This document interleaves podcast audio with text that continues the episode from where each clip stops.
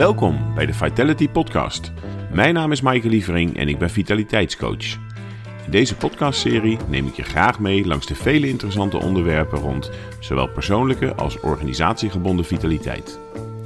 Vitale medewerkers die maken het verschil. Ze zijn energiek, veerkrachtig, fit en productiever. Ze vormen de basis voor jouw gezonde en vitale organisatie. En daarin ben ik je graag van dienst. Dus ben je werknemer, actief in het management of in de directie? Dan zijn deze podcasts voor jou. Fijn dat je luistert. Vitality Podcast nummer 16.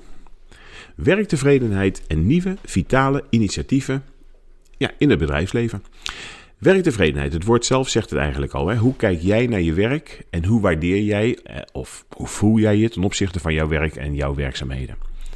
Hierbij kan je kijken uh, naar het werk als geheel, maar je kunt ook naar de verschillende aspecten, de verschillende onderdelen van je werk kijken.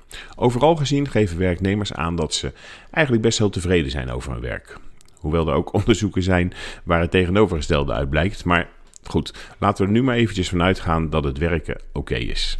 Hierbij geven vrouwen aan vaker tevreden te zijn dan mannen. En er lijkt geen relatie te zijn tussen leeftijd en tevredenheid. Dus ouderen en jongeren zijn net zo tevreden. Of net zo ontevreden, wat je wil. Opleidingsniveau daarentegen, dat doet er wel toe. Hoogopgeleiden zijn vaker tevreden dan laagopgeleiden. En de werktevredenheid, ja, dat is natuurlijk ook wel sterk afhankelijk van het werk wat je doet. Hè. Het varieert per bedrijfssector. In de mm, sector cultuur uh, en overige dienstverlening, de bouw en de zorg is meer dan 80% tevreden tot zeer tevreden. Hierbij zitten nog niet de cijfers verwerkt na COVID-19. Want ik zou me kunnen voorstellen dat dit met name in de zorg wel tot nou, hier en daar wat verandering zou, zou kunnen leiden. Werknemers in de horeca, vervoer en zakelijke dienstverlening, die zijn minder vaak tevreden. Hoewel minder vaak betekent hier 75% ten opzichte van die 80% van net. Dus dat valt eigenlijk ook hartstikke mee. De tevredenheid overal is eigenlijk wat mij betreft best wel hoog, best wel oké. En wat maakt dan nu dat, dat je tevreden bent over je werk? Nou, hier kunnen we uiteraard positieve en negatieve factoren onderscheiden. Positief, nou, zelfstandigheid. Hè? Dat is denk ik wel de, belangrijke, eh, de belangrijkste op het rijtje. En die staat met stip op, eh, op één. Zelf mogen organiseren. Zelf kunnen beslissen hoe je je werk uh, uitvoert. En in welke volgorde en welk tempo. Maar ook gevarieerd werk. Want niets is zo geestdodend als continu hetzelfde te moeten doen. En zeker als er ook nog eens een keer korte en repeterende handelingen zijn.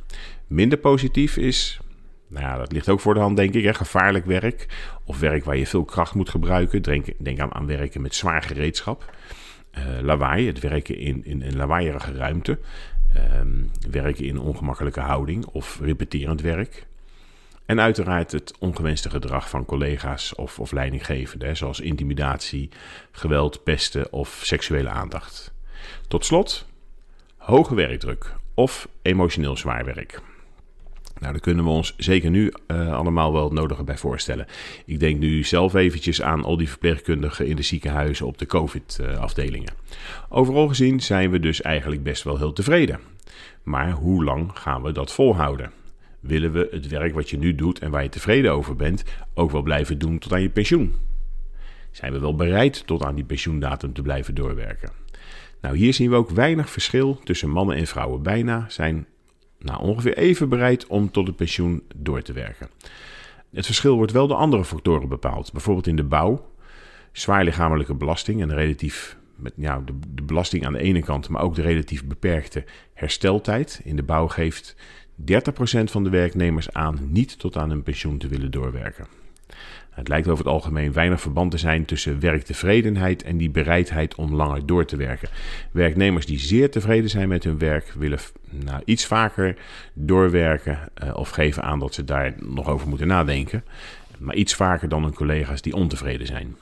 Wat, wat wel opvallend is, is dat zeg maar de neutrale mensen, dus mensen die niet tevreden zijn, maar ook niet ontevreden zijn, dat die het minst vaak willen doorwerken. Nou, die bereidheid om door te, werken is over het algemeen laag bij factoren als eentonig werk, Nou, ongewenst gedrag, daar hadden we het net al over, hè, van leidinggevende of, of collega's. Of werk met een enorme hoge werkdruk of emotioneel zwaar werk. Maar er lijkt geen verband te zijn tussen de bereidheid om door te werken en factoren als zware psychosociale arbeidsomstandigheden, weinig autonomie, intensief werk, ongewenst gedrag van klanten, patiënten en of leerlingen. En dat is nou best bijzonder. En ik zou het ook, naar mijn idee, eigenlijk niet zo uh, verwachten. Want eentonig werk blijkt dus zwaarder te wegen dan weinig autonomie of zelfstandigheid. En ongewenst gedrag van, laten we zeggen, externe, dus van, van, van patiënten of van, van, leerlingen, telt minder zwaar dan wanneer het van een collega vandaan komt.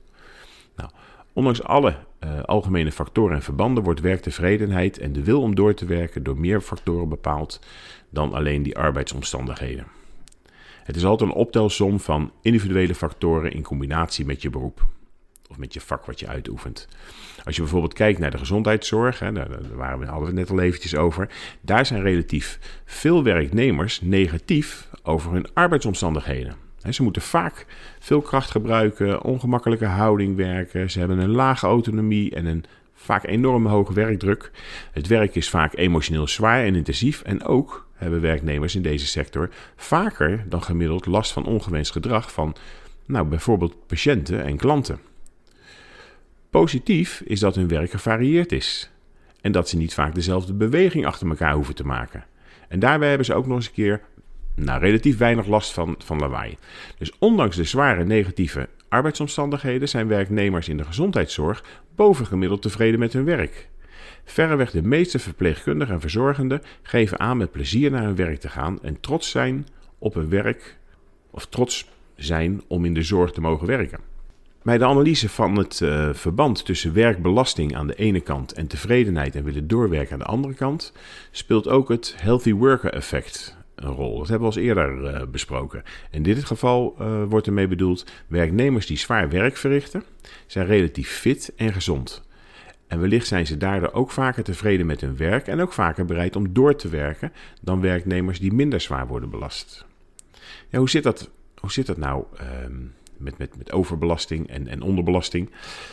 Nou, werknemers kunnen in hun werk blootgesteld worden aan nou, een bepaalde belasting.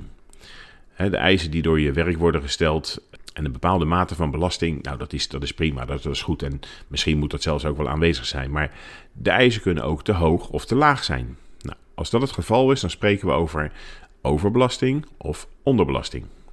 Voorbeelden van onderbelasting zijn bijvoorbeeld te, werk, eh, te, te weinig werk hebben. Of uh, de hele dag dozen inpakken en zonder afwisseling van ander werk. Dus eentonigheid. En voorbeelden van overbelasting, nou, dat kunnen we ook wel zelf uh, verzinnen. Maar het moeten uitvoeren van, van heel veel verschillende taken. Dus je moet veel onthouden of je moet heel erg veel concentreren. Dat kan ook leiden tot, uh, tot minder werkplezier. Fysiek zwaar werk of fysieke belasting is natuurlijk ook zo'n punt wat daarin meespeelt. En bij die belasting is nou, wat ik ermee wil zeggen is dat een, een deel van je lichaam dan het, het mogelijk maakt uh, dat je kunt bewegen. Hè? Dus bijvoorbeeld zeg maar uh, je rug, je benen en je, en je, en je handen. Onder meer door te tillen en, vaak uh, herhalen van, van, van bewegingen. Dat bedoel ik met, met fysiek zware belastingen. Dat hoeft niet altijd te betekenen dat iemand heel erg zwaar moet gaan, gaan tillen. Want een werknemer die kan ook lichtmateriaal bijvoorbeeld werken. Maar vanuit een hele verkeerde uh, werkhouding uh, dat moeten doen. En dat is het ook weer keer fysiek heel zwaar. Dus fysieke belasting kan op verschillende manieren een, een, risico vormen. Dus laten we zeggen tillen, duwen, trekken, dragen. Nou, dat, dat, geeft een belasting van het, van, van het hele lichaam. Dus bijvoorbeeld die hele dag dozen sjouwen vanuit de werkruimte naar de, naar de laterruimte. Nou, dat is echt wel een fysieke belasting. Of een, een, een lang volgehouden houding van je hele lichaam of delen van je, van, van, van je lichaam. Denk bijvoorbeeld aan lang achter een beeldscherm zitten en, en nauwelijks pauzeren. Of uh, het herhalen van, van bewegingen van uh, delen van het lichaam. Zoals bijvoorbeeld mensen die aan de lopende band uh, staan. Of kracht uitoefenen op een voorwerp door nou, werken met, met handgereedschap. Ik, denk aan, aan, aan een tang, grijp- en knijp, knijpkrachten van, van, van je hand. Of mensen in de, uh, laten we zeggen, straten, stratenmakers, dus trillen, die uh, bedienen van zo'n trilplaat. Die wordt ge gebruikt om, om grond aan uh, te trillen. Allemaal fysiek zware belastingen. Of energetische belastingen. Vooral bij het bewegen waarbij de grote spiergroepen worden gebruikt. Zo, nou ja, ook die stratenmaker speelt dat weer. En dat gaat ook nog eens een keer gepaard met een enorm hoog energieverbruik. Allemaal fysieke belastingen. Maar daartegenover hebben we ook nog psychosociale belastingen. En ja, dat is wat, wat lastiger, wat moeilijker te omschrijven dan fysieke belasting. Omdat het nou laat ik zeggen, minder concreet, minder tastbaar, uh, minder tastbaar is. Er sprake van psychosociale belasting wanneer een werknemer moeite heeft met de eisen die uh, in het werk aan hem worden gesteld. Of als hij onvoldoende gelegenheid heeft of, nou laat ik zeggen, regelmogelijkheden heeft om iets aan die situatie te veranderen. Vaak heeft het te maken met een, het werken in hoog tempo of, of te weinig werk hebben. Is ook zo'n uh, psychosociale belasting eigenlijk. Beperkte concentratiemogelijkheden, omdat je bijvoorbeeld in de verkeerde ruimte zit waar, waar, je, waar je moet, moet werken, maar je moet je ook nog eens een keer concentreren. onprettige werksfeer, omdat er weet ik het, conflicten zijn met, met, met, met collega's. Nou, dergelijke zaken kunnen allemaal leiden tot minder plezier in je werk. En als ze aanhouden, dan kunnen ze zelfs leiden tot lichamelijke klachten als hoofdpijn of rugpijn. En, en psychische klachten als, als snel geïrriteerd zijn. Uh, zelfs gedragsmatige klachten, hè? dus als, nou, ik weet niet, als je rookt en dat je dan meer gaat roken. En uiteindelijk kan het zelfs leiden tot overspannenheid of, of zelfs een burn-out. Nou, die werktevredenheid is uiteraard belangrijk voor jou als werknemer, maar ook voor jou als werkgever. Want tevreden medewerkers die plezier hebben in hun werk zijn van, nou, naar mijn idee, van onschatbare waarde voor je organisatie. En daarom is het ook goed om hierop aan te sturen. Om uiteindelijk, nou, zo het, laten we zeggen, het vitaliteitsverlies binnen je organisatie tegen te gaan. En dat is een mooie uitdaging. En ja, daar liggen wel een aantal, aantal factoren aan, aan de grondslag. Want de focus in het bedrijfsleven is steeds meer op efficiëntie en, en kostenbeheersing komen te liggen. Waardoor de vitaliteit en de work-life balance eigenlijk, hè, dus het, het, het, de, de balans tussen werken en, en, en, en privé, al die initiatieven die zijn op een lager pitje komen te staan. Nou, ook zaken als, als flexibilisering in de, in, de, in de arbeidsmarkt, waarbij de onzekerheden over het behoud van je baan en de concurrentie met anderen alleen maar toenemen, die zorgen ervoor dat die verbinding tussen mensen wordt uitgehold toenemende drang tot meten en verantwoorden. Nou, dat stimuleert, ja, naar mijn idee, alleen maar angst en, en, en, en werkdruk. En in deze sfeer lijkt de ruimte van het inrichten van vitale organisaties dan ook alleen maar af te nemen. Toch, gelukkig maar, zien we een, nou misschien wel een fundamentele kentering in, in de samenleving. In de samenleving. Um, ik weet niet of jullie bekend zijn met de trendrede. Dat is een, een, een jaarlijks alternatieve troonrede uh, geschreven door trendwatchers.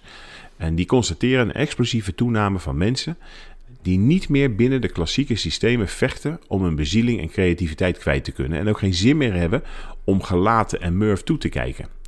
En dat is fijn. Zij nemen zelf het heft in handen en beginnen gewoon iets voor zichzelf. Die gaan lekker aan de slag. Klein, dichtbij en authentiek. Zonder al te grote idealen of ambities. Maar gewoon de mouwen opstropen en doen wat je kunt. Bij die mensen zien we enorme vitaliteit, bezieling en, en, en passie. Het borrelt en het bruist in de onderstroom van die samenleving, of van onze samenleving eigenlijk, bij die mensen. Bij veel van deze initiatieven gaan ziel en zakelijkheid moeiteloos in elkaar over.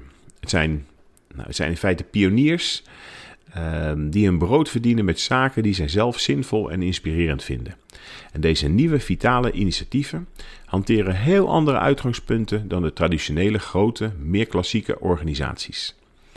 De afgelopen jaren zijn veel grote organisaties, dus de grote, laten we zeggen, grote uh, klassieke organisaties, hun focus kwijtgeraakt door zich te richten op lucratieve projecten.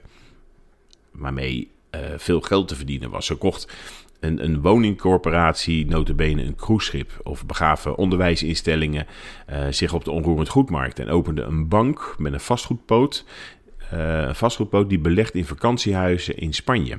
Dus allemaal ging dat natuurlijk om geld verdienen, maar die organisaties raakten zo verstrikt in procedures en regels dat het eigenlijke werk naar de achtergrond verdween. Dus nieuwe vitale initiatieven stellen de essentie waar ze voor bestaan die stellen die essentie weer voorop. Even kijken naar, die, uh, naar de belangrijkste kenmerken van, van dergelijke nieuwe vitale initiatieven. Belangrijkste, nou zei ik net al eigenlijk, hè, de essentie voorop. Waar doen we het eigenlijk ook alweer voor? Het eerste en het belangrijkste uitgangspunt. Waar gaat het eigenlijk om? Waarom doen we wat we doen? En meer dan alleen maar financiële waarde creëren. Wat is de toegevoegde waarde van ons werk? Iets willen betekenen, oplossingen bieden, duurzame alternatieven uh, ontwikkelen en niet alleen maar de intentie hebben om snel geld te verdienen. Um, werknemers zien als, als mede-ondernemers. Ik praat ook graag over medewerkers, eigenlijk liever dan werknemers. Um, wat is de, uh, de collectieve ambitie? Bij vitale organisaties in die onderstroom hebben werknemers een hoge mate van autonomie. Binnen een heldere visie is iedereen vrij om zelf te bepalen hoe zij die willen realiseren. Nou, dat is natuurlijk helemaal top. En horizontale samenwerking. overgang van, um, dat is wel leuk, want dat zie je eigenlijk ook nu wel heel erg bij de, bij de jeugd terugkomen. Overgang van bezit naar gebruik. Ofwel een collectieve economie. Het maakt uh, de, de organisatiegrenzen uh, een beetje diffuus. Klanten worden betrokken bij de ontwikkeling van bijvoorbeeld nieuwe producten. En deze pioniers die hechten niet zo aan, aan patenten of het bezit van technologische procedé of exclusieve informatie. Het is een ontwikkeling van bezit naar gebruik. Collectieve economie waarin delen dus het delen, het met elkaar samen uh, kunnen gebruiken, waarbij delen centraal staat. Dus denk bijvoorbeeld aan Greenwheels of Felix scooters of uh, Swapfiets. Dus leen- en, en huur- en, en deelbedrijven. Nieuwe vitaliteit ontstaat door gewoon te beginnen. Klein, authentiek en vanuit een eigen waarde. Maar het is ook mogelijk in grote en bestaande organisaties. Schaf de rituele vergaderingen af en bekijk met elkaar welke nou, laat ik zeggen, overlegbehoefte er bestaat. Begin met een proeftuin voor zelfsturing. Geef werknemers meer vrijheid en meer beslissingsruimte. En laat de klant ook meekijken in de keuken. Ik vind dat mooie initiatieven en ik vind dat prachtig. En ik denk ook dat dat uh, een, een, een, goede weg uh, gaat en gaat slagen op deze manier. Dus zo gingen we in, in, in deze podcast eigenlijk van, van, van werktevredenheid. Nou, die als je gaat kijken, overal gezien best wel oké is.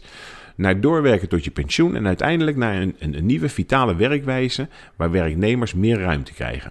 De overlegstructuur er anders uitziet en de relatie met de klant naar een steeds hoger niveau wordt getild. Een werkwijze die naar, mij ook naar mijn idee ook te implementeren valt bij grote bestaande klassieke organisaties. In de volgende podcast gaan we kijken hoe we dat met deze vitale werkwijze kunnen doen. Fijn dat je luisterde naar deze podcast. Ik maak deze serie met veel plezier en ik ben benieuwd wat jij ervan vindt. Laat even een review achter en abonneer je op deze serie. Via de podcast-app kun je mij eenvoudig blijven volgen. Heb je ideeën of suggesties? Laat het mij dan even weten. Informatie over mijn werkzaamheden als vitaliteitscoach en de mogelijkheden voor jou en jouw organisatie kan je vinden op de website www.outscape.nl. Dankjewel en graag tot de volgende keer.